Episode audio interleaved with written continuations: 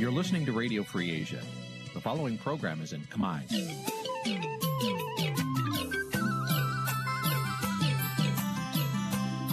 Nǐ chi càm bi tiệp xáy vệt chiu a zì sê ray នេះជាកម្មវិធីផ្សាយរបស់ Vithu Azisari ជាភាសាខ្មែរ វត្តឈូអាស៊ីសេរីសូមស្វាគមន៍លោកអ្នកនាងទាំងអស់ពីរដ្ឋធានី Washington នៃសហរដ្ឋអាមេរិក បាទពីរដ្ឋធានី Washington ខ្ញុំបាទជីវិតាសូមជម្រាបសួរលោកអ្នកនាងទាំងអស់ជាទីមេត្រីបាទយើងខ្ញុំសូមជូនកម្មវិធីផ្សាយសម្រាប់យប់ថ្ងៃសុក្រ9រោចខែមិញឆ្នាំឆ្លូវត្រីស័កពុទ្ធសករាជ2565ត្រូវនៅថ្ងៃទី25ខែខែកុម្ភៈគ្រិស្តសករាជ2022ជាដំបូងនេះសូមអញ្ជើញលោកអ្នកនាងស្ដាប់ព័ត៌មានប្រចាំថ្ងៃដែលមានមេត្តាដូចតទៅ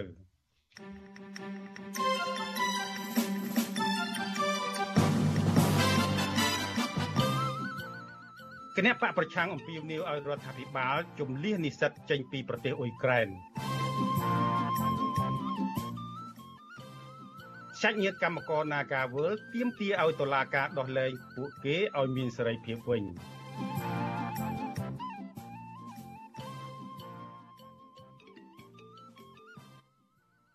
មេធាវីសកម្មជនបកប្រឆាំងស្នើឲ្យតុលាការខេត្តកណ្ដាលពន្យាការជំនុំជម្រះ ក្នុងវេទិកាវិទ្យុអាស៊ីសេរីសម្រាប់រាត្រីនេះយើងនឹងជជែកអំពីភាពខុសគ្នារវាងការញុះញង់និងការសម្ដែងមតិរួមនឹងព័ត៌មានផ្សេងៗមួយចំនួនទៀត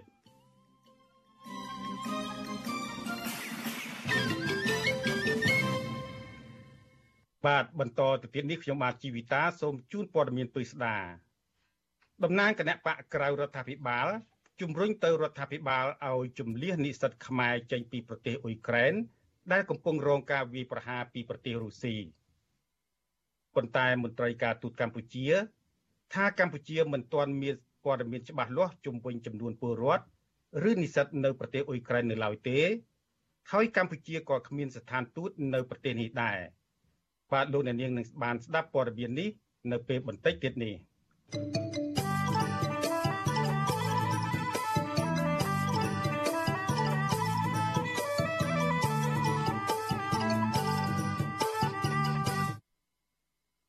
លោកនាងជាទីមេត្រីប្រជាពលរដ្ឋមួយចំនួនដែលមានទំនាស់ដីធ្លីជាមួយក្រុមហ៊ុន Union Development Group នៅមិនទាន់ទទួលបានគោលនៅមិនទាន់ទទួលយកគោលនយោបាយដោះដូរដី នៅទីតាំងថ្មី ដែលផ្ដល់ដោយអាជ្ញាធរខេត្តកោះកុងនៅឡើយទេព្រោះការផ្ដល់សំណងកន្លងមក គឺមិនមានតម្លាភាពនិងយុត្តិធម៌ពលរដ្ឋស្នើសុំអាជ្ញាធរនិងក្រសួងដែនដីចុះទៅពិនិត្យដីជាក់ស្ដែង និងផ្ដល់សំណងសមស្របទៅតាមទំហំដីដែលពួកគេបាត់បង់ទៅឲ្យក្រុមហ៊ុនលោកទីនសាកាយាលោកទីនសាការីយ៉ារាយការណ៍ព័ត៌មាននេះប្រជាពលរដ្ឋជាង60គ្រួសារនៅស្រុកគិរីសាគរនិងបទុមសាគរដែលមានចំនួនដីធ្លីជាមួយក្រុមហ៊ុនចិន Union Development Group ឲ្យដឹងថាអស់រយៈពេល3ខែមកហើយអាជ្ញាធរខេត្តកោះកុងនិងក្រសួងដែនដីមិនបានចុះទៅជួបពិភាក្សាជាមួយប្រជាពលរដ្ឋ ដើម្បីដោះស្រាយបញ្ចប់បញ្ហាជាមួយក្រុមហ៊ុនដោយការសន្យាកន្លងមកនោះទេតំណាងសហគមន៍កោះស្ដេចលោកស្រីសាំងពុយប្រាប់វិទ្យុអសិរ័យនៅថ្ងៃទី25កុម្ភៈថាអាញាធរនៅតែលើកឡើងពីគោលនយោបាយដោះដូរពី1ហិកតាដល់2ហិកតាឲ្យពួកគាត់ទៅរស់នៅទីតាំងថ្មីដដែលដោយគ្មានការផ្ដល់ដំណោះស្រាយណាមួយប្រសើរជាងនេះទេលោកស្រីបន្តថាប្រជាពលរដ្ឋភ័យច្រើន មានដីផ្ទះនិងដីចម្ការ ចាប់ពី5ហិកតារហូតដល់20ហិកតា ប៉ុន្តែអាជ្ញាធរមិនគិតគូរផ្ដល់សំណងតាមទំហំដីដែលស្ថិតនៅក្នុងគម្រោងក្រុមហ៊ុននោះទេក្រៅតែពីបង្ខំនិងគម្រិតកំហែងឲ្យពលរដ្ឋឲ្យទទួលយកសំណងតាមគោលនយោបាយរដ្ឋាភិបាលទៅវិញលោកស្រីសាំងពុយដែលមានដី8ហិកតាហើយត្រូវអាជ្ញាធរផ្ដល់ដី2ហិកតានៅទីតាំងថ្មីយល់ថាការផ្ដល់ដំណោះស្រាយបែបនេះគឺជារឿងអយុត្តិធម៌មិនអាចទទួលយកបាននោះទេតំណាងពលរដ្ឋដែលចេញស្វែងរកដំណោះស្រាយពីស្ថាប័នរដ្ឋជាង10ឆ្នាំមកហើយនោះ ស្នើអរដ្ឋាភិបាលកិត្តគូផ្ដល់សំណងជូនប្រជាពលរដ្ឋឲ្យបានសមរម្យជាងនេះអ គាត់ក៏មិនចង់ទៅដកដូរទៅនៅកន្លែងថ្មីទេ ខាងអាជ្ញាធរថាมันអាចទុកឲ្យបងប្អូននៅបានទេព្រោះកន្លែងហ្នឹងតាមប្រទានឲ្យក្រុមហ៊ុនចិនញូញៀនហើយយើងក៏ព្រមទទួលយកតែបើសិនតែឲ្យដកស្រាយឲ្យមានយុតិធម៌ជាងនឹងដែលថាបងប្អូនអាចរស់នៅបានប្រកបអាជីពបានឬក៏អីបានអញ្ចឹងឲ្យមើលកន្លែងដែលបងប្អូនទៅរស់នៅកន្លែងថ្មីហ្នឹងអញ្ចឹងណាហើយដោះស្រាយឲ្យសមរម្យតាមទៅប្រភេទដីរបស់បងប្អូនកាលពីខែតុលាឆ្នាំ2021អាជ្ញាធរខេត្តកោះកុងបានប្រាប់ឲ្យពលរដ្ឋដែលមិនទាន់ធ្វើកិច្ចសន្យាទទួលយកគោលនយោបាយពីរដ្ឋាភិបាលឲ្យប្រញាប់ទៅជួបអាជ្ញាធរដើម្បីចាប់ដីឡូបើមិនចង់បាត់បង់ផលប្រយោជន៍នៅពេលខាងមុខទេនោះអាជ្ញាធរបញ្ជាក់ថាបើសិនជាពលរដ្ឋខកខានមិនមកទទួលយកដំណោះស្រាយដីធ្លីនេះទេអាជ្ញាធរចាត់ទុកថាបរដ្ឋបោះបង់សិទ្ធិទទួលយកគោលនយោបាយដោះស្រាយបញ្ហាដីធ្លីពីរដ្ឋាភិបាល ហើយអាជ្ញាធរមិនទទួលខុសត្រូវរាល់ការបាត់បង់ផលប្រយោជន៍របស់ប្រជាពលរដ្ឋឡើយ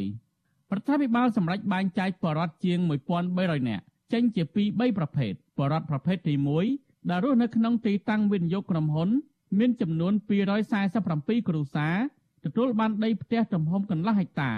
ដីចម្ការ3ហិកតា និងថវិកា9000ដុល្លារក្នុងមួយគ្រួសារចំពោះបរិវត្តប្រភេទទី2ដែលទីតាំងដីពួកគាត់ខុសភូមិនិងឃុំ មានចំនួន255គ្រួសារទទួលបានដីចម្ការទំហំ2ហិកតា ក្នុងមួយគ្រួសាររីឯបរិវត្តប្រភេទទី3ដែលស្នើសុំគោលនយោបាយបន្ថែម មានជាង800គ្រួសារទៀតគឺទទួលបានដីចម្ការទំហំ1ហិកតាក្នុងមួយគ្រួសារចំណែកប្រជាពលរដ្ឋស្នើសុំដីសម្បត្តិសង្គមកិច្ចអាជ្ញាធរខេត្តកោះកុងអះអាងថារដ្ឋាភិបាលនឹងធ្វើការដោះស្រាយតាមក្រោយវិទ្យុអសិរ័យមិនអាចសុំការឆ្លើយតបរឿងនេះពីអភិបាលរងខេត្តកោះកុងទទួលបន្ទុកវិវាទដីធ្លី លោកសុកសុទ្ធីនិងរដ្ឋលេខាធិការក្រសួងដែនដីលោកទេពថននៅថ្ងៃទី25កុម្ភៈបានទេជុំវិញនឹងរឿងនេះអ្នកសម្របសម្រួលនៃអង្គការសិទ្ធិមនុស្សលីកាដូប្រចាំខេត្តកោះកុងលោកហូអ៊ីនមានប្រសាសន៍ថាករណីអាជ្ញាធរខេត្តកោះកុងនិងក្រសួងដែនដីមិនពន្លឿនការដោះស្រាយជូនពលរដ្ឋនៅសេសសល់នេះគឺបង្ហាញពីការមិនទទួលខុសត្រូវនិងភាពបរាជ័យរបស់អាជ្ញាធរក្នុងចំនួនដីធ្លីដ៏រ៉ាំរ៉ៃមួយនេះលោកយល់ថាអាជ្ញាធរនិងក្រសួងដែនដីគួរតែស្វែងរកដំណោះស្រាយថ្មីល្អជាងនេះ ដែលស្របទៅតាមទំហំដីជាក់ស្ដែងរបស់ពួកគាត់ដែលបានបាត់បង់ទើបចំនួនអាចបញ្ចប់ទៅបាន។ អាជ្ញាធរទៅដោះស្រាយសំណងឲ្យបានសមរម្យព្រោះដីធ្លីរបស់ប្រកបមានច្រើនមានច្រើនជាចំនួនដែលអាជ្ញាធរផ្ដល់ឲ្យណាខ្លះប្រជាពលរដ្ឋមានដីដល់20ហិកតា10ហិកតាអ្វីដែលគាត់ទទួលបានតែលេខ2បានដីតែ2ហិកតាអញ្ចឹងវាខុសពីអ្វីដែលដែលបានសន្យាជាមួយពួកគាត់តាំងពីពេលមុនសម្ដីថ្នាក់ដឹកនាំគឺគឺមានតម្លៃធ្វើឲ្យប្រជាពលរដ្ឋចងចាំហើយពេលដែលជិះសន្យាហើយមិនបានធ្វើតាមការសន្យាឬក៏សន្យាឲ្យតែរួចខ្លួនពេលដែលប្រជាពលរដ្ឋតបបានតែពេលដែលប្រជាពលរដ្ឋឈប់តបហើយស្ងាត់ឈឹងអត់មានការដោះស្រាយនេះបង្ហាញថាការមិនទទួលខុសត្រូវហើយក្រុមហ៊ុនចិន Union Development Group បានទទួលដីសម្បត្តិសេដ្ឋកិច្ចនៅចំកណ្ដាលអូឈានជាតិបទុមសាគរក្នុងខេត្តកោះកុងសរុបជាង45000ហិកតាពីរដ្ឋាភិបាលលហ៊ុនសែនកាលពីឆ្នាំ2008ដើម្បីសាងសង់ទីក្រុងទេសចរដ៏ធំមួយដែលត្រូវចំណាយទឹកប្រាក់ជិត4000លានដុល្លារគម្រោងអភិវឌ្ឍនេះបានបណ្ដាលឲ្យប្រជាពលរដ្ឋខ្មែរជាង1300គ្រួសារត្រូវចាកចេញពីលំនៅឋាននិងដីធ្លីរបស់ពួកគេ កាលពីឆ្នាំ2021ក្រសួងរដ្ឋាភិបាលអាមេរិកបានសម្រេចដាក់ទណ្ឌកម្មក្រុមហ៊ុននេះក្រោយពីរកឃើញថាក្រុមហ៊ុនចិនមួយនេះមានពាក់ព័ន្ធនឹងអំពើពុករលួយ ការច្បាមយកដីនិងរំលោភសិទ្ធិមនុស្សនៅកម្ពុជាក្រមប្រជាពលរដ្ឋដែលមិនព្រមទទួលយកគោលនយោបាយដីធ្លីនេះស្នើសុំរដ្ឋាភិបាលបើកវេទិកាពិភាក្សាជាមួយពលរដ្ឋនិងផ្ដល់សំណងសមរម្យដែលអាចទទួលយកបានក្រមប្រជាពលរដ្ឋប្រកាន់ចំហថាប្រសិនបើអាជ្ញាធរមិនស្វែងរកដំណោះស្រាយល្អជាងនេះទេ នោះពួកគាត់នឹងនាំគ្នាចេញតវ៉ាតាមស្ថាប័នរដ្ឋលុះត្រាតែទទួលបានដំណោះស្រាយសមរម្យខ្ញុំទីនសាការីយ៉ាអសិរ័យប្រធានីវ៉ាស៊ីនតោនបាទលោកអ្នកនាងជាទីមេត្រីតកតងនឹងការរំលោភផ្លូវភេទវិញសាច់ញាតិក្មេងស្រីដែលត្រូវអតីតមន្ត្រីនគរបាលរំលោភផ្លូវភេទកាលពី10ឆ្នាំមុន នៅតែទន្ទឹងយុតិធធសម្រាប់ក្មេងស្រីរូបនេះនៅឡើយនៅពេលដែលអាជ្ញាធរ នៅតែមិនអាចតាមចាប់អ្នកប្រព្រឹត្តមកផ្ដន់ទោសបាន អ្នកជំនាញច្បាប់មើលឃើញថា ការអូសបន្លាយពេលវេលាផ្ដល់យុតិធធដល់កុមារីរងគ្រោះបែបនេះបង្ហាញថាជនរងគ្រោះមិនត្រឹមរងគ្រោះដោយអំពើរំលោភបំពានរបស់អ្នកប្រព្រឹត្តល្មើសល្មើសច្បាប់ប៉ុណ្ណោះទេ គឺថែមទាំងរងគ្រោះពីទង្វើរបស់អ្នកអនុវត្តច្បាប់មួយជាន់ទៀតអ្នកជំនាញបញ្ជាក់ទៀតថាក្នុងប្រទេសនីតិរដ្ឋពិតប្រាកដ រឿងក្តីរំលោភផ្លូវភេទកុមារគឺជាបទឧក្រិដ្ឋដែលមិនអាចលើកលែងបាន អ្នកស្រីសុជីវីរាយការណ៍ព័ត៌មាននេះឪពុកក្មេងស្រីរងគ្រោះពីពណ៌នាថារឿងក្តីរំលោភខ្សែសន្តិវៈកូនស្រីរបស់លោកត្រូវតុលាការធ្វើដូចជារឿងបៃលុកបៃឡឪពុកក្មេងស្រីរងគ្រោះលោកយ៉ងប៊ុនលីប្រាប់វិទ្យុអាស៊ីសេរីដោយឈឺចាប់និងហួសចិត្តថារយៈពេល10ឆ្នាំកន្លងទៅនេះគ្រួសាររបស់លោករស់នៅក្នុងភាពឈឺចាប់ រំពឹងទន្ទឹងយុត្តិធម៌ដែលមិនដឹងថាថ្ងៃណាអាចទទួលបានដោយសារតែអាជ្ញាធរមិនអាចចាប់ជនល្មើសមកដាក់ទោសទណ្ឌបានរឿងគេអីគ្រាន់តែខ្លះជេរនិយាយឌៀមដាមហោះ Facebook បន្តិចតួចចាក់ពេលដាក់គុកអស់ហើយដល់ពីរឿងខ្ញុំប៉ុណ្ណាណៃលោកក្មេងអាយុ11ឆ្នាំអីមនុស្សត្រួយខ្លួនដដែលហើយឈ្នះតាំងពីរាការដំបងអតោកពូឈ្នះអស់ហើយឈ្នះបានតែกระដាស់ហើយអាចំណងអាលុយអត់បានអាមនុស្សអត់ជាប់គុកហ្នឹងវាឈឺចិត្តដែរ លោកប៊ុនលីរំលឹកថាកូនស្រីរបស់លោកមានអាយុត្រឹម11ឆ្នាំត្រូវមន្ត្រីនគរបាលឈ្មោះកងសុផាតចាប់រំលោភកាលពីថ្ងៃទី15ខែសីហាឆ្នាំ2010លោកបានប្តឹងរឿងនេះទៅតុលាការដោយមានទឹកតាំងនិងលទ្ធផលកសលវិច័យគ្រប់គ្រាន់ថាជនល្មើសពិតជាបានរំលោភកូនស្រីលោកពិតប្រាកដមែនហើយតុលាការខេត្តប្រសិទ្ធអនុបានចេញដីកាចាប់ខ្លួនមន្ត្រីនគរបាលលោកកងសុផាត បញ្ជូនទៅតុលាការប៉ុន្តែមិនបានប៉ុន្មានផង តុលាការបានសម្រេចដោះលែងទៅវិញដោយមានអ្នកធានាឲ្យនៅក្រៅឃុំពេលនោះជននោះបានគេចខ្លួនបាត់ក្រោយមកតុលាការខេត្តប្រសិទ្ធអនុបានកាត់ឲ្យលោកកងសុផាតជាប់ពន្ធនាគារ5ឆ្នាំនិងផ្ដាល់សំណងដល់ក្មេងស្រីរងគ្រោះចំនួន40លានរៀលព្រមទាំងចេញដីកាឲ្យតាមចាប់ខ្លួនជនជាប់ចោតប៉ុន្តែជនជាប់ចោតមិនសុខចិត្តបានបន្តរឿងនេះទៅសាលាឧទ្ធរដំបងឡើយ តុលាការជាន់ខ្ពស់មួយនេះសម្រាប់រក្សាសាលក្រមសាលាដំបងទុកជាបានការដដែលប៉ុន្តែមួយសប្តាហ៍ក្រោយមកសាលាឧទ្ធរបានចេញដីកាលុបចោលការតាមចាប់ខ្លួនលោកកងសុផាតលោកប៊ុនលីបន្តថាពេលនោះជនជាប់ចោតបានលេចមុខនៅក្នុងភូមិថ្មីក្នុងសង្កាត់លេខ3ក្រុងប្រសិទ្ធអនុឡើងវិញភ្លាមភ្លាមដែរគេប្រាប់ប៉ូលីសប្រាប់អីចឹងខ្ញុំថាជិះមិនវាមកផ្ទះវាអត់ចាប់អត់អីចឹងដល់ប៉ូលីសទេប្រាប់ខ្ញុំវិញថា ចាំមិនគេមានដេកាអត់ចាប់អត់អីគេមានដេកាមួយលឹកគេខាតមហាញប៉ូលីសមកអីចឹងចុងក្រោយគឺនៅក្នុងឆ្នាំ2016តុលាការកំពូលបានសម្រេចឲ្យសាលាដំបងចេញដីកាតាមចាប់ខ្លួនឈ្មោះកងសុផាតឡើងវិញព្រះរាជអាជ្ញារងលោកហួតវិចិត្របានចេញដីកាថ្មីមួយទៀតមានន័យសេចក្តីដោយដីកាចាស់គឺតាមចាប់ខ្លួនជនជាប់ចោតប៉ុន្តែ10ឆ្នាំមកនេះអាជ្ញាធរមិនបានចាប់ខ្លួនលោកកងសុផាតបានឡើយបើទោះបីជាគ្រួសារក្មេងស្រីរងគ្រោះ បានផ្ដល់ដំណឹងថាគេបានឃើញជនជាប់ចោតនៅក្នុងខេត្តភៀកឦសានមានដូចជាខេត្តរតនគិរីនិងខេត្តក្រចេះជាដើមលើពីនេះចំពោះសំណងចំនួន40លានរៀលតុលាការតម្រូវឲ្យដើមបណ្ដឹងរកឲ្យបាននៅទ្រព្យសម្បត្តិដែលមានឈ្មោះជនល្មើសដើម្បីឲ្យតុលាការរឹបអូសប៉ុន្តែលោកប៊ុនលីបញ្ជាក់ទាំងអស់សង្ឃឹមថាលោកនិងមេធាវីបានត្រឹមតែទទួលព័ត៌មានថាទ្រព្យសម្បត្តិទាំងអស់របស់ឈ្មោះកងសុផាតត្រូវបានលក់ និងផ្ទេរឈ្មោះតាំងពីឆ្នាំ2015មកម្លេះខ្ញុំមិនដឹងដែរថារឿងខ្ញុំហ្នឹងវាដូចប្លុកប្លោមិនចែកអីណាបាទវាហួសចិត្តវាឆ្អែតអស់មកដល់ពេលនេះកូនស្រីរបស់លោកប៊ុនលីមានអាយុជាង20ឆ្នាំហើយប៉ុន្តែនាងមិនមានស្មារតីពេញលេញដោយក្មេងស្រីទូទៅឡើយដោយសារតែនាងធ្លាប់មានបញ្ហាប្រាជ្ញាស្មារតីកាលពីនៅក្មេងតកតងនឹងការតាមចាប់ខ្លួនជនជាប់ចោតកងសុផាតនេះកាលពីចុងឆ្នាំ2021 សារព័ត៌មានក្នុងស្រុកបានចុះផ្សាយថាព្រាយអាញារងខេត្តប្រសិទ្ធអនុលោកហួតវិចិត្របានចេញដីកាតាមចាប់ខ្លួនជាថ្មីម្ដងទៀតវិទ្យុអាស៊ីសេរីមិនទាន់អាចសុំការបញ្ជាក់ពីការតាមចាប់ខ្លួនលោកកងសុផាតនេះពីស្នងការនគរបាលខេត្តប្រសិទ្ធអនុលោកជួននរិនបាននៅឡើយទេកាលពីថ្ងៃទី24ខែកុម្ភៈប៉ុន្តែនគរបាលប៉ុស្តិ៍រដ្ឋបាលសង្កាត់ទី3លោកអុកផាណារ៉េតប្រាប់វិទ្យុអាស៊ីសេរីថាសមត្ថកិច្ចនៅតែតាមឃ្លាំមើលរឿងនេះមិនដាក់ដៃទេ ដើម្បីចាប់ខ្លួនជនជាប់ចោតគាត់ទៅស្នាក់នៅទីណាយើងអត់ទាន់បានដឹងដល់អញ្ចឹងបានដឹងថាស្នាក់នៅទីណានឹងរាយការណ៍ជូនថ្នាក់លើគាត់ចុះចាប់ហើយណាតែទោះជាយ៉ាងណាមន្ត្រីនគរបាលរូបនេះបានចុចបិទទូរស័ព្ទទៅវិញនៅពេលចោតសួរថាតើសមត្ថកិច្ចមានការលំបាកយ៉ាងណាខ្លះក្នុងការតាមចាប់ខ្លួនជនជាប់ចោតនេះតែទោះជាយ៉ាងណាអ្នកសម្របសម្រួលសមាគមការពារសិទ្ធិមនុស្សអាត6 អ្នកស្រីជាបសុធារីមើលឃើញថារឿងនេះខុសប្លែកគ្នាពីរឿងក្តីដតីផ្សេងមួយចំនួនទៀតដែលអាជ្ញាធរអាចតាមចាប់ខ្លួនអ្នកសង្ស័យបានយ៉ាងងាយស្រួលបើទោះជាអ្នកទាំងនោះបានគេចទៅដល់ក្រៅប្រទេសយ៉ាងណាក៏ដោយអ្នកស្រីថា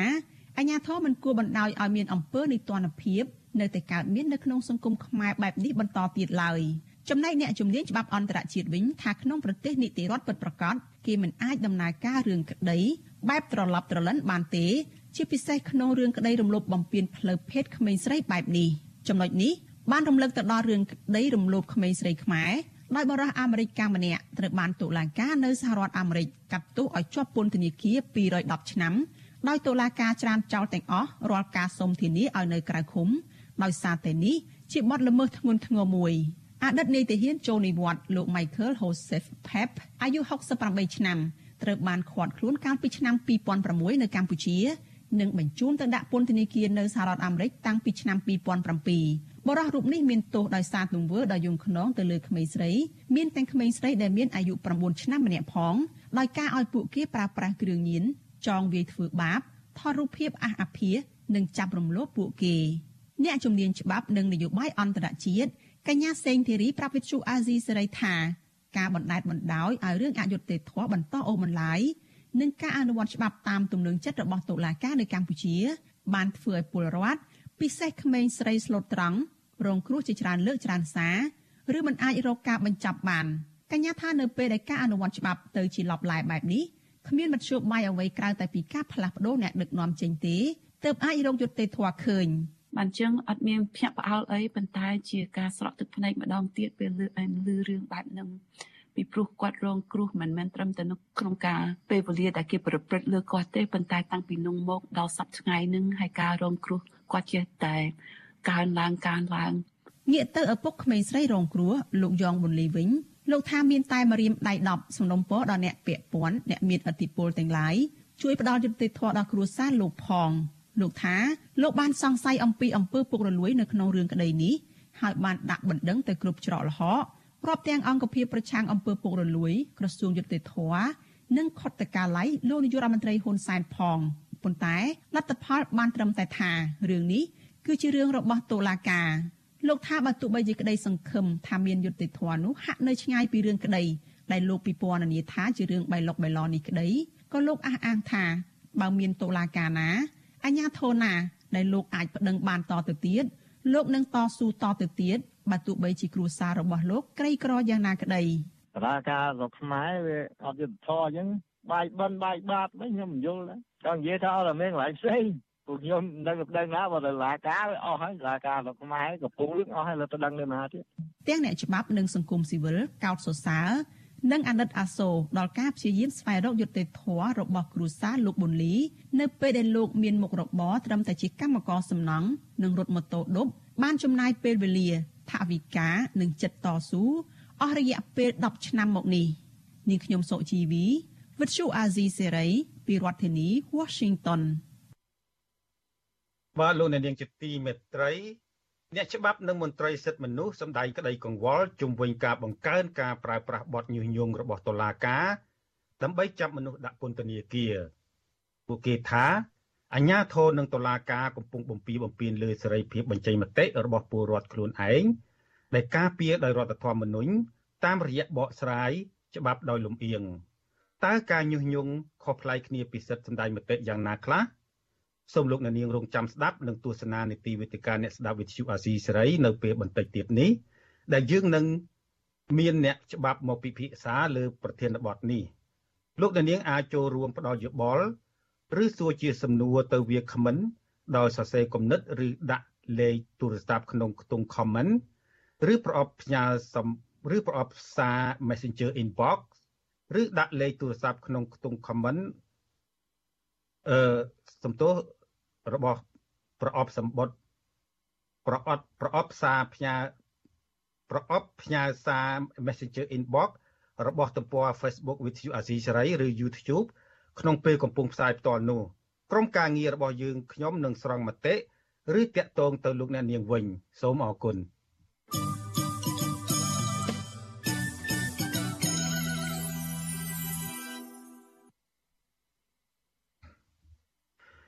បាទលោកអ្នកនាងជាទីមេត្រី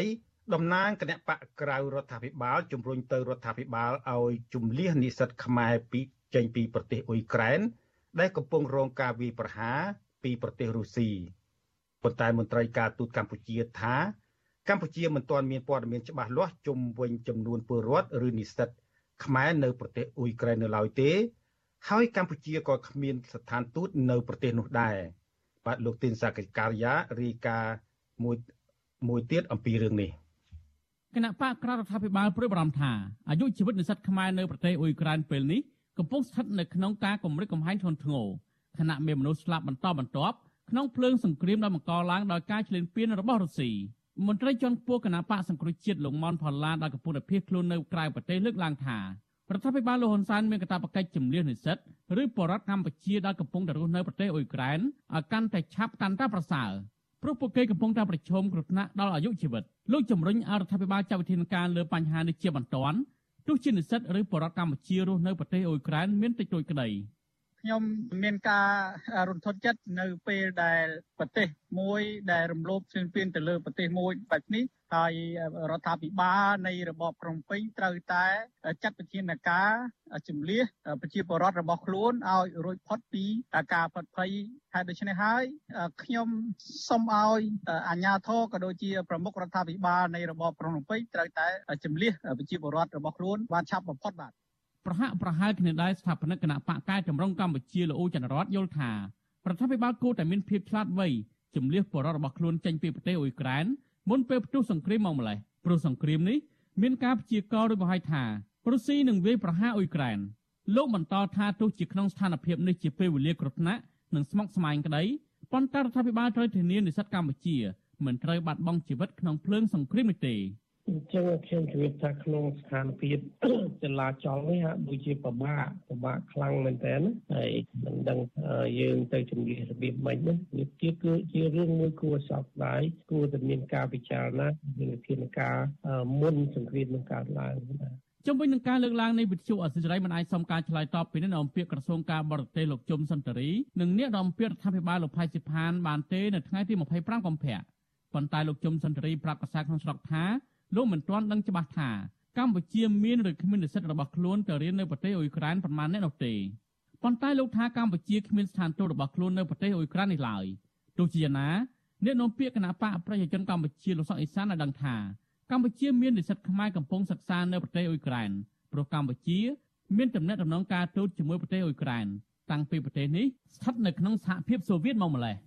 លោកសុកអេសានអះអាងថាការជំនះ ឬមិនជំនះនិស្សិតកម្ពុជាកំពុងសិក្សានៅប្រទេសអ៊ុយក្រែនជាការសម្រេចចិត្តរបស់ប្រមុខរដ្ឋាភិបាលហើយពេលនេះលោកក៏មិនទាន់ដឹងថារដ្ឋាភិបាល មានចំហបែបណាទាក់ទងនឹងបញ្ហានេះដែរ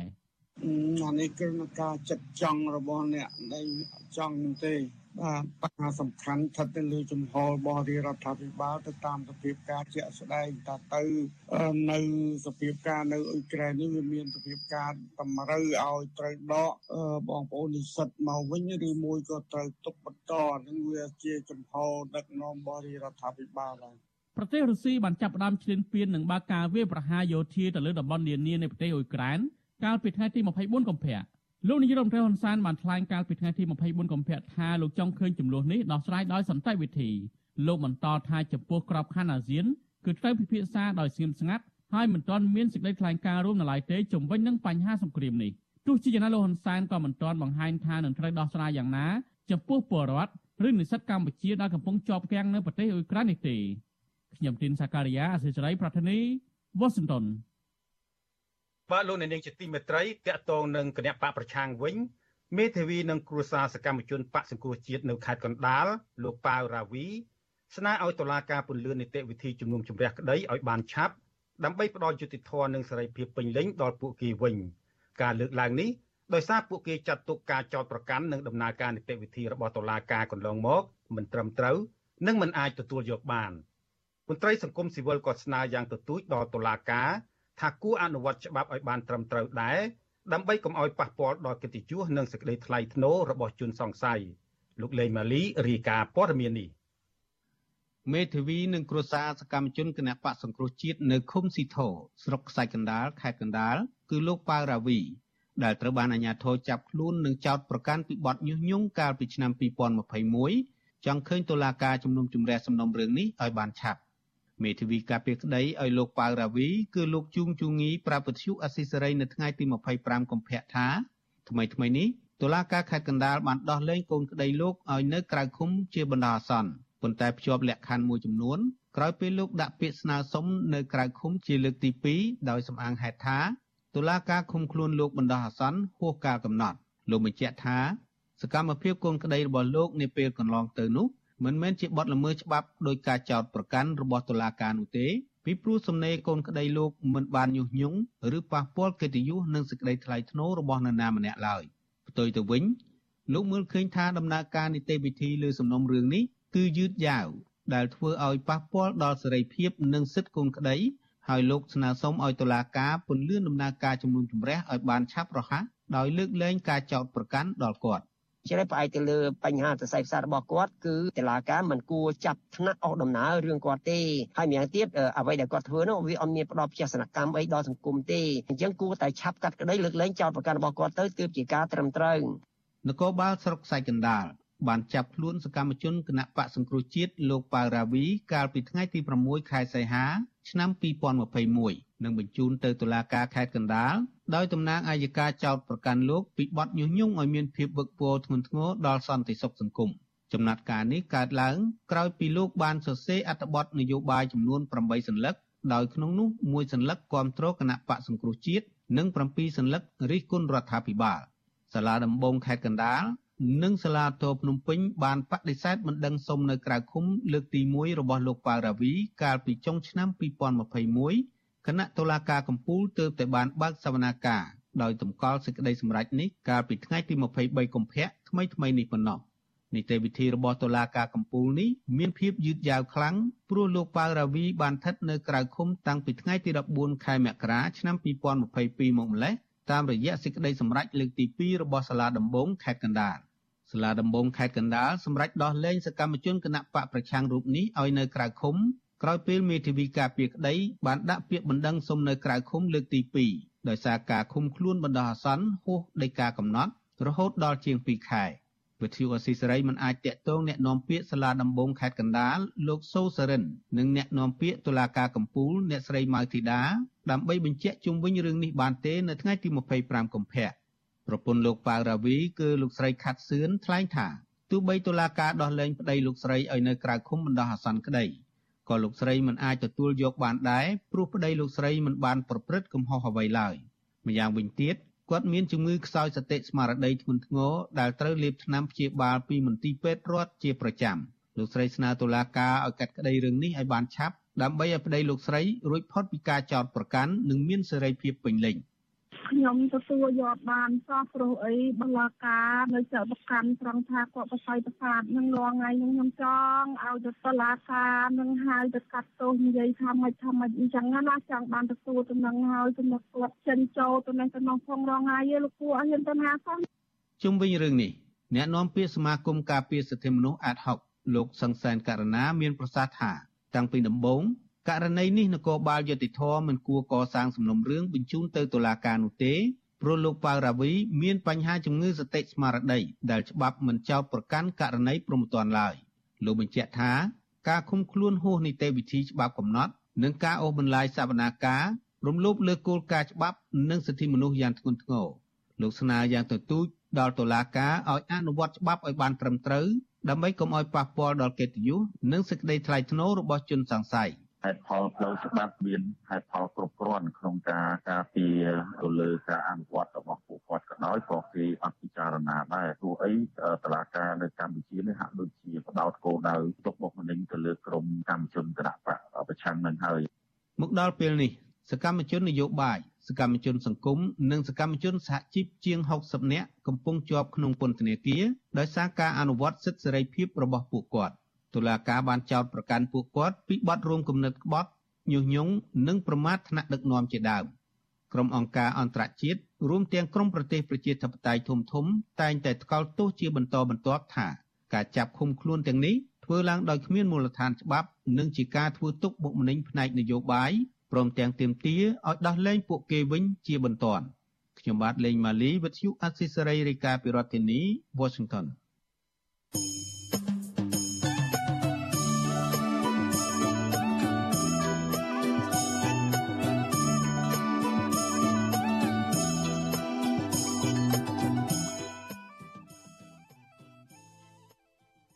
បបាទលោកអ្នកនាងជាទីមេត្រី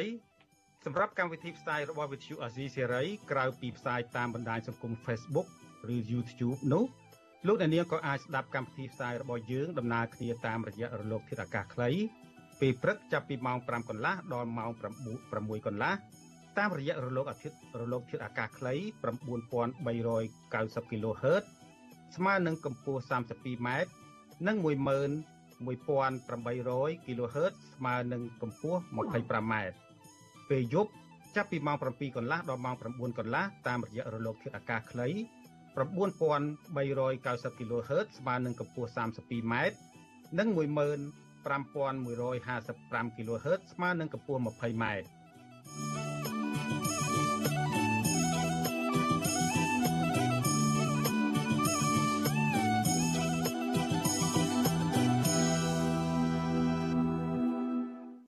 បាទលោកអ្នកនាងជាទីមេត្រីងាកមកចំនួននៅបនលបែង Nagavel Nagavel វិញសាច់ញាតិសហជីពនិងគឧតកោទាំង11នាក់ដែលកំពុងជាប់ឃុំក្នុងពន្ធនាគារនៅតែបន្តទាមទារឲ្យតុលាការក្រុងភ្នំពេញដោះលែងពួកគេឲ្យមានសេរីភាពឡើងវិញដើម្បីចូលវិលចូលតុចរចារឿងវិវាទការងារជាមួយថៅកែបនលបែង Nagavel ការទាមទារនេះស្របពេលដែលអាជ្ញាធរក្រុងបានចាប់ ពាត់ចាប់ក្រុមកម្មករដែលហ៊ានបន្តចេញតវ៉ាទាមទារស្វែងរកដំណោះស្រាយអំពីរឿងនេះបាទសូមអញ្ជើញស្ដាប់សេចក្តីរាយការណ៍របស់អ្នកស្រីម៉ៅសុធានី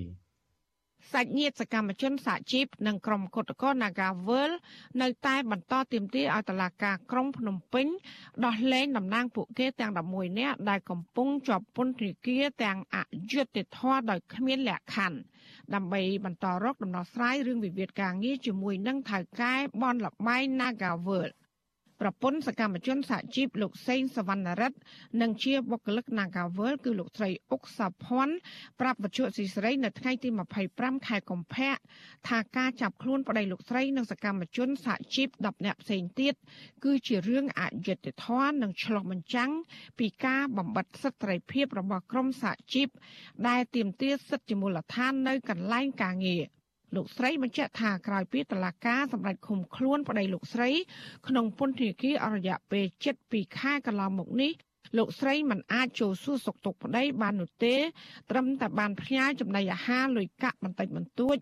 និងថ្នាំពេទ្យផ្សេងៗតាមរយៈឆ្មាំពន្ធនាគារតែប៉ុណ្ណោះ លោកស្រីបន្តថាក្រោយពីអវត្តមានប្តីដែលជាចន្ទុលក្នុងគ្រួសារលោកស្រីរងសម្ពាធទាំងផ្លូវកាយនិងផ្លូវចិត្តនិងប្រឈមជួបបញ្ហាជីវភាពប្រចាំថ្ងៃក្នុងការរ៉ាប់រងចិញ្ចឹមកូន2នាក់និងមើលថែទាំម្ដាយដែលមានជំងឺប្រចាំកាយចាស់ជរា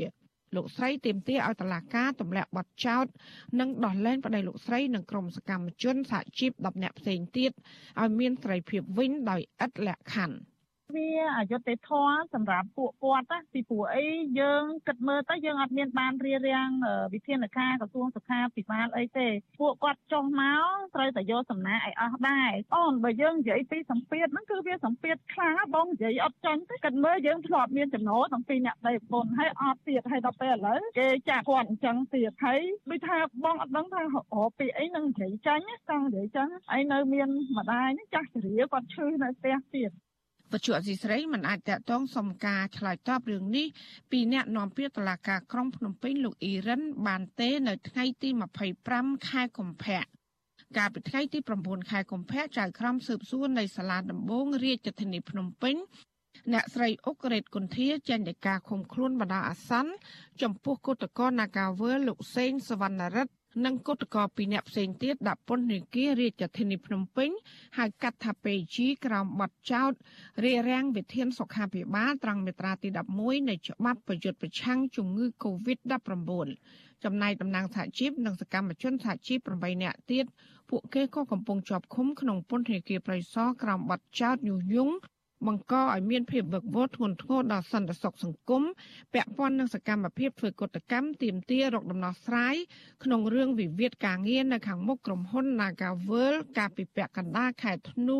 ឆ្នាំ2021 នាយករងទទួលបន្ទុកកិច្ចការតំបន់អាស៊ីនៃអង្គការឃ្លាំមើលសិទ្ធិមនុស្សអន្តរជាតិ Human Rights Watch លោក Phil Robertson បានចេញសេចក្តីថ្លែងការណ៍នៅថ្ងៃទី25ខែកុម្ភៈថាការបន្តបង្ក្រាបរបស់អាជ្ញាធរទៅលើក្រុមគឧតកោគឺអាជ្ញាធរប៉ុនប៉ងបំបិតសម្លេងកម្មករដែលមានភាពក្លាហាន ហើយធ្វើឲ្យចលនាសហជីពចុះខ្សោយ។ លោកបន្តថាក្រុមការងារអង្គការសហប្រជាជាតិនិងអង្គការពលកម្មអន្តរជាតិ ILO គួរតែប្រតិកម្មជាសាធារណៈចំពោះសកម្មភាពទាំងនេះហើយទាមទារអរដ្ឋាភិបាលកម្ពុជា បញ្ចប់ការរំលោភសិទ្ធិកម្មករដោយចាប់ផ្ដើមដោយការដោះលែងកម្មករនយោជិត ដែលកំពុងជាប់ពន្ធនាគារដោយគ្មានលក្ខខណ្ឌក្នុងអំឡុងពេលតំណាងកម្មករ Nagavel ទាំង11នាក់ ដែលកំពុងជាប់ពន្ធនាគារអាជ្ញាធរក្រុងភ្នំពេញក៏បានបន្តបង្ក្រាបក្រុមកោតក្រជាបន្តបន្ទាប់បង្ខំឲ្យធ្វើចតាឡេស័កដោយបានប្រើអំពើហិង្សារុញច្រានរំលោភបំពាននិងបៀតបៀនភេទទៅលើក្រុមកោតក្រជាស្ត្រីក្នុងការចាប់អូសទាញនិងសែងក្រុមកោតក្រទាំងនោះ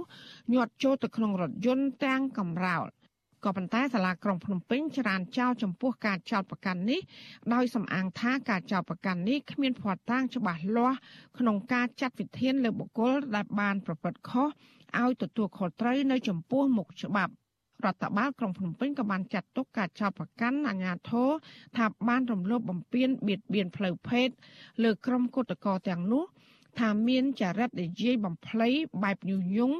បង្កដល់អស្ថិរភាពបំពុលសង្គមក្នុងការបញ្យុទ្ធប្រឆាំងការរាលដាលនៃជំងឺ Covid-19 កម្មករ Nagawer កញ្ញាសៀកកញ្ញាខកចិត្តចំពោះទង្វើអាញាធរក្រុងភ្នំពេញដែលបានបង្ក្រាបអំពើហិង្សា ប្រើកាយវិការបៀតបៀនទាំងអសិលធម៌មកលើក្រុមកោតក្រជាស្ត្រី ក្នុងការប្រើសិទ្ធិទាមទារដោះស្រាយដែលធានាដោយច្បាប់ជាតិនិងអន្តរជាតិ។ កញ្ញាចាត់ទុកការលើកឡើងរបស់សាលាក្រុងភ្នំពេញថាជាការខ្វះការទទួលខុសត្រូវក្នុងការអនុវត្តច្បាប់មិនមានភាពអព្យាក្រឹតដើម្បីស្វែងរកយុត្តិធម៌ជូនដល់ក្រុមស្ត្រីដែលជាគឧតកោទុនខ្សោយហើយដែលកំពុងរងការប្រមាថ កញ្ញាបន្ថែមថាក្រុមគុតកោទាំងអស់នៅតែបន្តការតស៊ូបដិញ្ញាចិត្តក្នុងការធ្វើគុតកម្មប្រសិនបើគ្មានការចេញមុខដោះស្រាយពីថៅកែ Nagavel ហើយនឹងគ្មានការដោះលែងតំណាងពួកគេ ទាំង11នាក់ឲ្យមានសេរីភាពវិញនោះ។ នេះវាជារូបភាពជាក់ស្ដែងហ្មងព្រោះអីវាជាការរងភាពអយុត្តិធម៌និងការបៀតបៀនគេខ្មាស់ពីខាងក្រមអាជ្ញាធរនិងស្ថាប័នពាក់ព័ន្ធផ្សេងផ្សេងអញ្ចឹងពួកខ្ញុំនៅតែបន្ត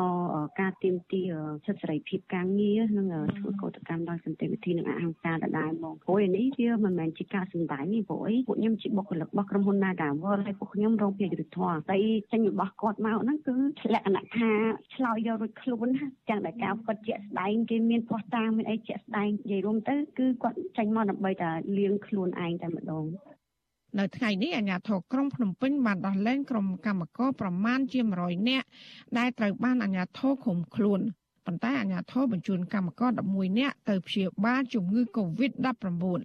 អាជ្ញាធរមិនបានផ្ដល់មធ្យោបាយធ្វើដំណើរឲ្យកម្មករដែលត្រូវចេញពីមណ្ឌលឃុំខ្លួននោះទេ គឺពួកគេខ្លះបានប្រើប្រាស់មធ្យោបាយផ្ទាល់ខ្លួន។ បច្ចុប្បន្នអសីស្រីមិនអាចតតងแนะនាំពាក្យស្នងការនគរបាលរាជធានីភ្នំពេញលោកសានសុកសីហានិងแนะនាំពាក្យសាលារាជធានីភ្នំពេញលោកមេតមាសភក្តីដើម្បីសាកសួរបន្ថែមជំវិញរឿងនេះបានទេនៅថ្ងៃទី25ខែកុម្ភៈចំណែកឯអ្នកនាំពាក្យរដ្ឋាភិបាលលោកផៃស៊ីផាន់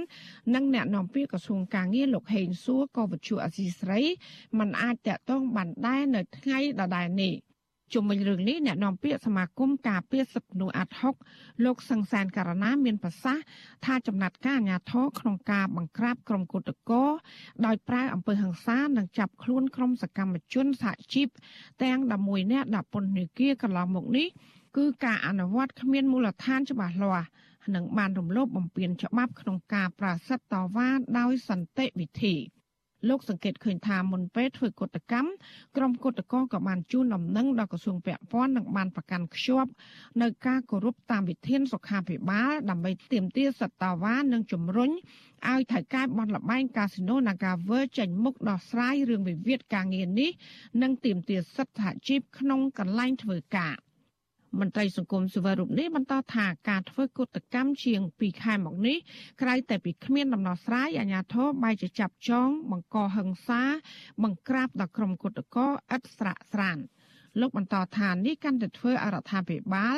ទទួលរងការរិះគន់កាន់តែខ្លាំងថែមទៀតពីសហគមន៍ជាតិនិងអន្តរជាតិ ហើយបង្ហាញឲ្យកាន់តែច្បាស់ថាសមត្ថកិច្ចកម្ពុជាយើងនឹងពុំមានវិជ្ជាជីវៈអនុវត្តទូនាទីនឹងឲ្យបានត្រឹមត្រូវស្របទៅតាមលក្ខខណ្ឌច្បាប់ទេហើយអំពើបែបនេះក៏បីមានការចាត់វិធានការតាមផ្លូវច្បាប់ពីថ្នាក់ដឹកនាំរបស់ពួកគេដើម្បីកុំឲ្យអំពើបែបហ្នឹងចេះតែកើតមានឡើងបន្តទៀតហើយបើសិនជាអំពើបែបហ្នឹងកើតមានឡើងហើយក្រមមន្ត្រីថ្នាក់លើរបស់ខ្លួនការពីគេហៅថាទាំងផ្ទុយពីការពិតបែបហ្នឹងគឺផលប៉ះពាល់ជះទៅដល់ក្រមមន្ត្រីដែលមេកោយរបស់ខ្លួននឹងទៅវិញហើយ ក្រុមអង្គការសិទ្ធិមនុស្សជាតិនិងអន្តរជាតិទាមទារឲ្យរដ្ឋាភិបាលដោះលែងតំណាងនិងសកម្មជនសហជីពព្រមទាំងកម្មករ Nagawer ទាំង11នាក់ឲ្យមានត្រីភាពឡើងវិញដោយឥតលក្ខខណ្ឌពួកគេក៏បានស្នើដល់ក្រសួងការងារជំរុញឲ្យថៃកែបនលបែង Nagavel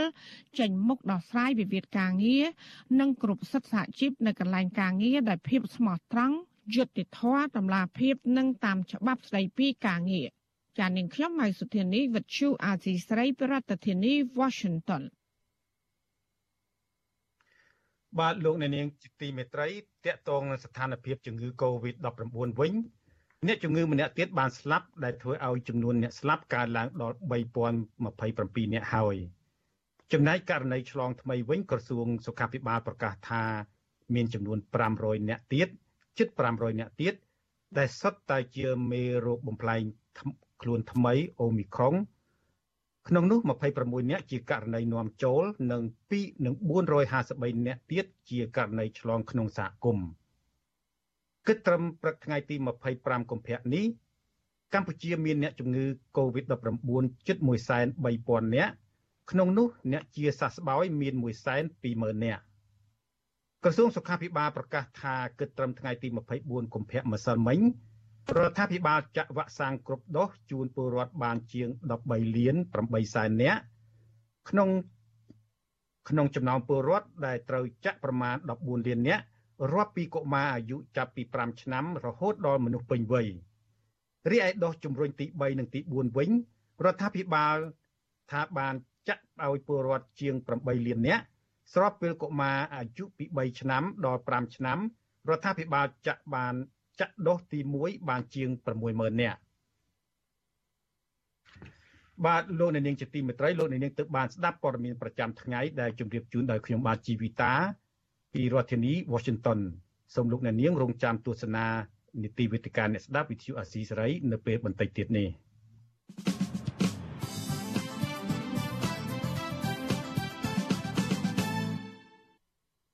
បាទលោកអ្នកនាងជាទីមេត្រីជាបន្តទៅទៀតនេះជាវេទិកាអ្នកស្ដាប់វិទ្យុអាស៊ីសេរីហើយប្រធានបទដែលយើងនឹងលើកយកមកពិភាក្សាក្នុងយុគនេះគឺការញុះញង់និងសិទ្ធិបញ្ចេញមតិហើយយើងមានវាគ្មិនពីររូបចូលរួមពិភាក្សាបាទហើយវាគ្មិនពីររូបនោះគឺលោកគង់សំអនលោកជាមេធាវីនិងជាសាស្ត្រាចារ្យច្បាប់ ហើយម្នាក់ទៀតគឺលោកអំសំអាតនាយករងទទួលបន្ទុកផ្នែក សិទ្ធិមនុស្សនៃអង្គការលីកាដូ ហើយលោកក៏បានបញ្ចប់អឺការសិក្សាអំពីវិស័យច្បាប់ផងដែរបាទបាទសូមជម្រាបសួរលោកវាគ្មិនទាំងពីរបាទបាទសូមជម្រាបសួរបាទបាទលោកអ្នកនាងជាទីមេត្រីមុននឹងផ្ដើមជជែកគ្នាជាមួយវាគ្មិនយើងខ្ញុំសូមជម្រាបជូនដោយសង្ខេបនៅព័ត៌មានតកតងនឹងបទញុះញង់ជាមុនសិនបាទ តុលាការបានបង្កើនការចាប់ខ្លួននិងផ្ដន្ទាទោសពលរដ្ឋខ្មែរដាក់ពន្ធនាគារពីបទញុះញង់កាន់តែមានចំនួនច្រើនឡើងគិតត្រឹមពីចុងខែកក្កដាឆ្នាំ2020ដល់បច្ចុប្បន្នតុលាការបានផ្ដន្ទាទោសដាក់គុកមនុស្សជិត100នាក់ហើយពីបទញុះញង់នេះអ្នកជាប់ឃុំពីបទញុះញង់ទាំងនោះរួមមានអ្នកនយោបាយបកប្រឆាំងសកម្មជនការពារធនធានធម្មជាតិអ្នកតវ៉ារឿងដីធ្លីអ្នកការពារសិទ្ធិមនុស្សនិងឬសិទ្ធិកម្មករ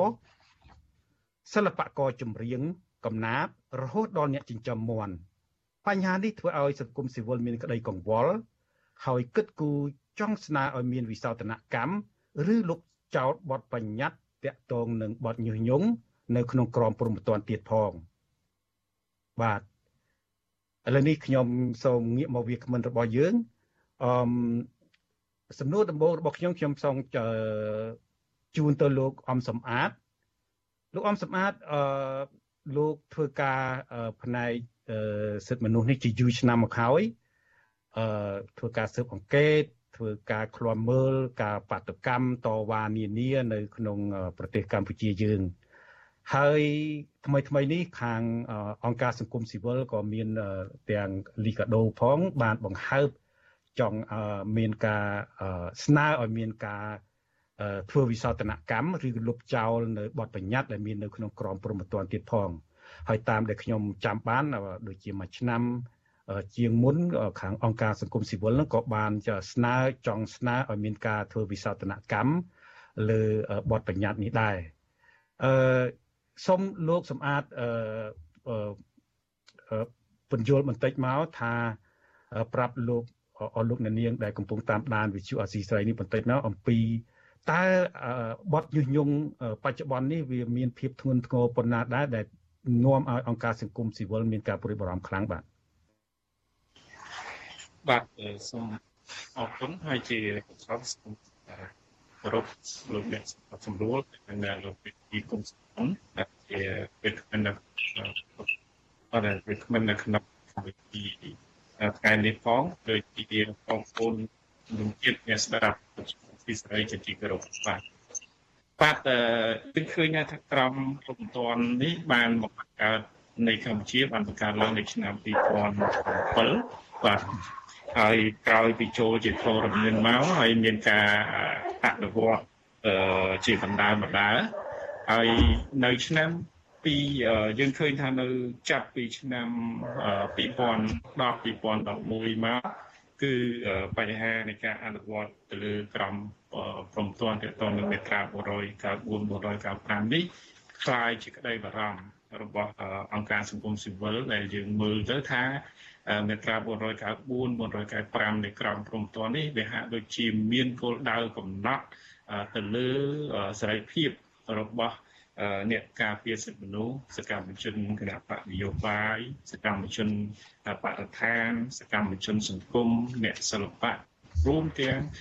អ្នកសារព័ត៌មានសហជីពផងដែរហើយតាមការសង្កេតរបស់អង្គការសង្គមស៊ីវិលយើងឃើញថាចាប់ពីចុងឆ្នាំ2009មកបញ្ហានៃបទញុះញង់នេះហាក់បីដូចសន្ទុះនៃការអានឡើង ហើយវាប្រែคล้ายទៅជាការពេញនិយមនៅក្នុងការចោទប្រកាន់ហើយជាគោលដៅដែលយើងមើលឃើញភាគច្រើនហ្នឹងគឺទៅលើសកម្មជនការពារសិទ្ធិមនុស្សសកម្មជនការងារសង្គមសកម្មជនបរិស្ថានអ្នកជំនាញសិល្បៈនឹងហើយនឹងរួមទាំងអ្នកសារព័ត៌មានក៏ដូចជាសហជីពផងដែរហើយជាការកត់សម្គាល់ របស់អង្គការលីកាដូយើងឃើញថាចាប់ពីចុងឆ្នាំ2019មកទល់ពេលនេះមានជាង170ករណីដែលត្រូវបានចោទប្រកាន់អំពីបទញុះញង់នេះហើយអ្នកទាំងអស់នោះគឺសិតតែជាសកម្មជន ការពារសិទ្ធិមនុស្សសកម្មជនបរិស្ថាន សកម្មជនសង្គមសកម្មជនគណៈបកនយោបាយអ្នកសិល្បៈក៏ដូចជាសហជីព និងរួមទាំងអ្នកសារព័ត៌មានផងដែរចំណុចនេះដែលយើងមានការព្រួយបារម្ភថាអឺតកតទៅនឹងបទញុះញង់នេះវាហាក់បីដូចជាមិនមានភាពការបកស្រាយណាច្បាស់លាស់ទេយើងយើងឃើញថាបទញុះញង់នេះគឺបើច្បាប់ដើម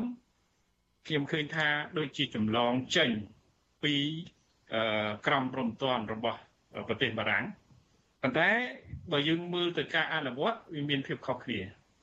យើងនៅក្នុងប្រទេសបារាំងយើងឃើញថាប្រជាពលរដ្ឋដែលបញ្ចេញមតិហាក់បីដូចជាមិនរងនៅការចោទប្រកាន់ពីបទញុះញង់នោះទេហើយគេបានឲ្យនិយមន័យនិងបកស្រាយច្បាស់លាស់ទៅលើបទញុះញង់នេះប៉ុន្តែនៅប្រទេសកម្ពុជាយើងយើងឃើញថាការបកស្រាយវាហាក់ដូចជា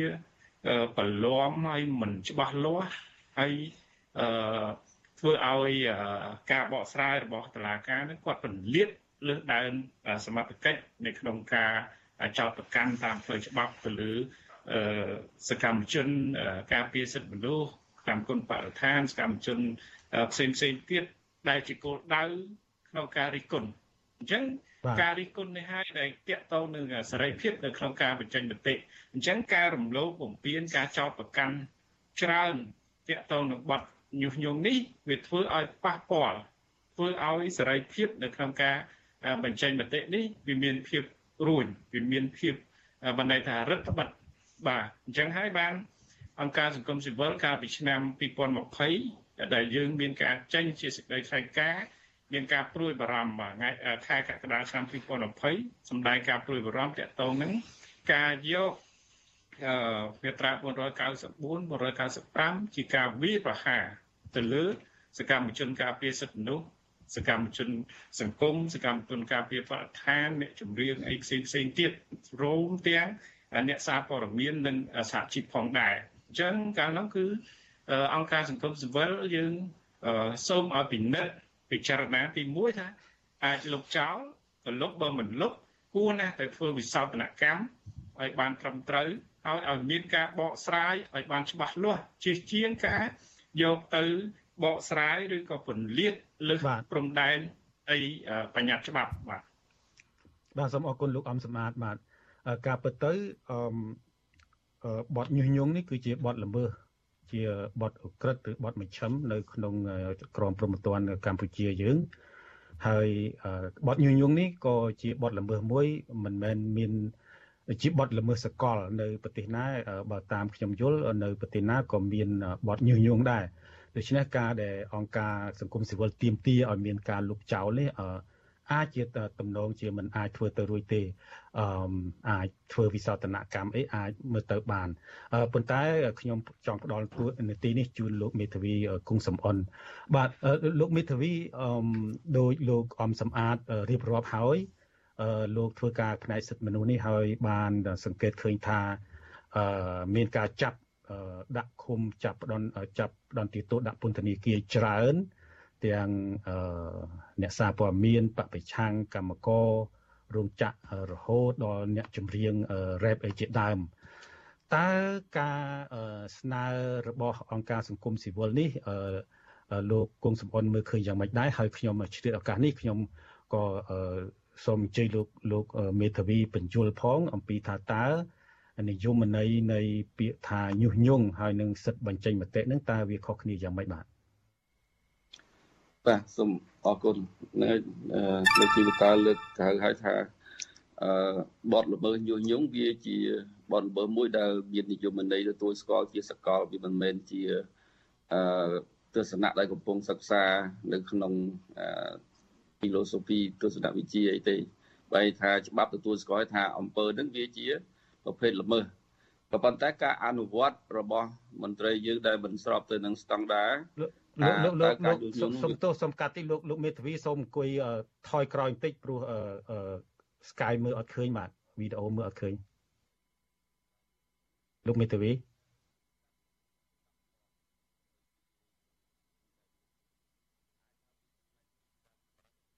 ដូចដាច់ហើយប៉ុន្តែវាមិនមែន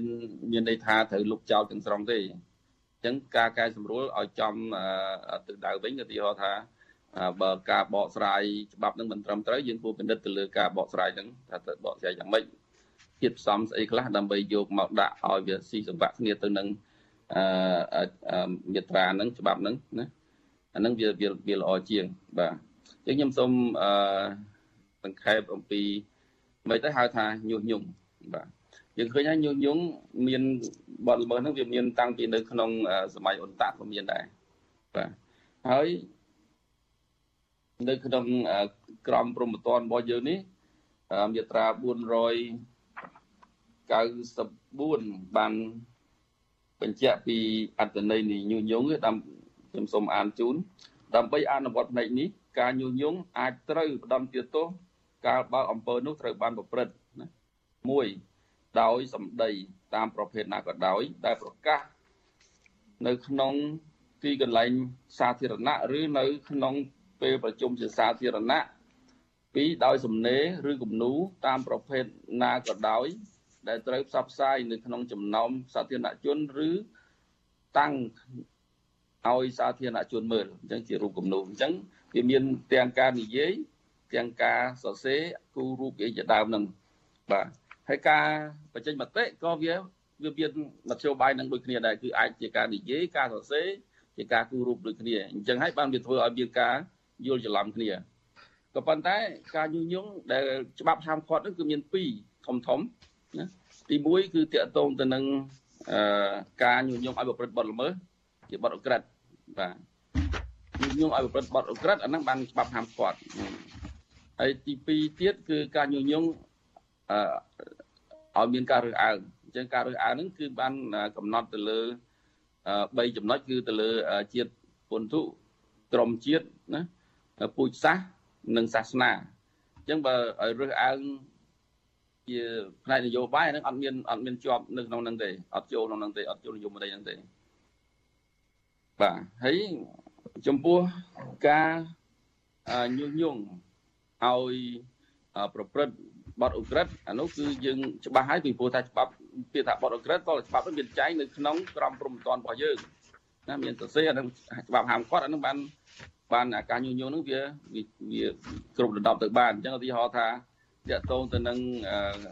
គិតកម្មណាញុះញង់ឲ្យមនុស្សទៅសម្លាប់អ្នកណាម្នាក់ឲ្យប្រជាពលរដ្ឋឬសាធារណជនទៅសម្លាប់អ្នកណាម្នាក់ធ្វើឃាតអ្នកណាម្នាក់ហ្នឹងការធ្វើឃាតវាជា បទអ ுக ្រិតដែលច្បាប់ហាមឃាត់អញ្ចឹងកាលណាយើងទៅញុះញង់ឲ្យធ្វើប្រព្រឹត្តអំពើបែបហ្នឹងទោះតាមរយៈសម្ដីសរសេរតាមការគូររូបតាមអីក៏ដោយអាហ្នឹងក៏អាចចូលនៅក្នុងបទញុះញង់ឲ្យប្រព្រឹត្តបទអ ுக ្រិតដែរតែមួយទៀតអាចថាធ្វើឲ្យប៉ះពាល់ដល់សន្តិភាពសាធារណៈធ្ងន់ធ្ងរអញ្ចឹងការប៉ះពាល់ដល់សន្តិភាពសាធារណៈធ្ងន់ធ្ងរនេះជាទូទៅគឺប៉ះពាល់ឬក៏តកតូននឹងបទអ ுக ្រិតនឹងហើយ ពីព្រោះថាបទអ ுக ្រិតវាធ្វើឲ្យប៉ះពាល់ដល់សន្តិភាពសាធារណៈនោះធ្ងន់ធ្ងរបើមិនជាបទមជ្ឈិមអាហ្នឹងវាថាក្នុងកម្រិតមធ្យមទេបើបទលហុអាហ្នឹងតូចតាចណាអញ្ចឹងវាវានៅក្នុងកម្រិតហ្នឹងដែលច្បាប់ហាមឃាត់គឺថាបើមានការប្រព្រឹត្តជាសម្ដីឬក៏ការសរសេរឲ្យប្រព្រឹត្តបទល្មើសដែលច្បាប់ហាមឃាត់ជាបទឧក្រិដ្ឋអាហ្នឹងវាចូលនៅក្នុងការហាមឃាត់ដែលច្បាប់ ដែលតឡាការអាចកាត់ទោសពីបទអស់ទៅនឹងបានណាប៉ុន្តែបើសិនជាការបញ្ចេញមតិខ្ញុំសូមនិយាយថាការបញ្ចេញមតិជាអ្វីបាទបើយើងយល់ការបញ្ចេញមតិវាជាមតិរបស់បុគ្គលម្នាក់វាអាចខុសពីបុគ្គលម្នាក់ឬក៏មួយក្រុមទៀតដែលมันមានខុសមានត្រូវទេជាទូទៅហើយវាមិនមែនជាអង្គហេតុទេការបញ្ចេញមតិអាចគ្រាន់តែជាការយល់ឃើញរបស់បុគ្គលណាជា ការសន្និដ្ឋានគាត់គាត់យល់ឃើញគាត់សន្និដ្ឋានថាម៉េចម៉េចហ្នឹងទៅអញ្ចឹងការយល់ឃើញរបស់គាត់គុំសំអនខ្ញុំសូមកាត់ភាសាបន្តិចបាទខ្ញុំសូមជម្រាបជូនលោកអ្នកស្ដាប់ដែលអឺដែលកំពុងតាមដានការស្ដាប់វិទ្យុអស៊ីសេរីតាមរលកធាតុអាកាសខ្លីលោកអ្នកនាងនឹងលែងឮការផ្សាយរបស់យើងទៀតហើយចាប់ពីម៉ោង8កន្លះទៅប៉ុន្តែលោកអ្នកនាងដែលបានតាមដានទស្សនា តាម Facebook និង YouTube លោកអ្នកនាងអាចតាមដានតទៅទៀតរហូតដល់ម៉ោង9បាទសូមអរគុណបាទលោកលោកមេធាវីសូមអញ្ជើញបាទបាទអញ្ចឹងខ្ញុំសូមបញ្ជាក់មកវិញតកតងនឹងការបញ្ចេញមតិវាអត់មានអីពិបាកយល់ទេការបញ្ចេញមតិវាបង្ហាញពីការយល់ឃើញរបស់បុគ្គលម្នាក់ម្នាក់ទៅលើព្រឹត្តិហេតុឬអង្គហេតុណាមួយចំណុចណាមួយដែលគាត់យល់ឃើញតាមការ យល់ដឹងរបស់គាត់ណាតាមសមត្ថភាពរបស់គាត់តាមការវិតម្លៃរបស់គាត់ហើយជាទូទៅការបញ្ចេញមតិនេះអ្នកជំនាញគឺគាត់ធ្វើការបញ្ចេញមតិច្រើនណាស់ណាឧទាហរណ៍តាក់ទងទៅនឹងវិទ្យាសាស្ត្រណាខាងពេទ្យអ្នកជំនាញក៏បញ្ចេញមតិរបស់គាត់តាក់ទងនឹងវិទ្យាសាស្ត្រយ៉ាងទៅច្រើនខាងច្បាប់ក៏បញ្ចេញមតិផ្នែកខាងច្បាប់ទាំងដែរបាទពេលទី2បាទលោកអញ្ចឹងការបញ្ចេញមតិ យើងមិនអាចថាមតិអ្នកនោះខុសមតិនោះត្រូវទេមតិអ្នកនោះល្អឬមិនល្អវាការចូលចិត្តរបស់យើងអញ្ចឹងឧទាហរណ៍ថាបើខ្ញុំពេញចិត្តមតិរបស់អ្នកណាយើងថាអ្នកនឹងល្អអ្នកនឹងត្រូវទៅបើអ្នកផ្សេងទៀតគេយល់ថាមិនត្រូវមិនល្អណាអញ្ចឹងហើយបានជាតកតូនទៅនឹងការបញ្ចេញមតិនេះច្បាប់មិនឲ្យមានទោសទេហើយយើងក៏មានការការពារដោយរដ្ឋធម្មនុញ្ញដោយ កតិកាសញ្ញាស្តីពីសិទ្ធិពលរដ្ឋនិងនយោបាយផងដែរដែលរដ្ឋធម្មនុញ្ញយើងទទួលស្គាល់អញ្ចឹងវាអត់មានអីថាការបញ្ចេញមតិត្រូវតែ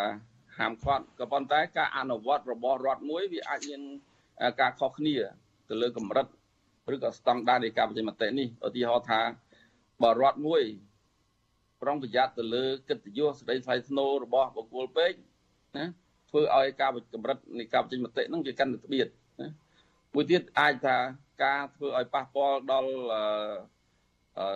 សន្តិភាពសាធារណៈទៅដល់ប្រពៃណីល្អដល់ទំនៀមទម្លាប់ល្អអានោះក៏ជាផ្នែកមួយនៃការរឹតបន្តឹងនៃការបញ្ចេញមតិដែរអញ្ចឹងបែរថាការបញ្ចេញមតិអឺជាទូទៅអត់មានព្រំដែនទេគឺអាចធ្វើបានទាំងអស់បាទក៏ប៉ុន្តែបើសិនជាការបញ្ចេញមតិនោះធ្វើឲ្យប៉ះពាល់ដល់សន្តិភាពសាធារណៈ អានេះហើយដែលជាចំណុចដែលដែលវាមានជាអាចថាជាជាការដាក់នៅ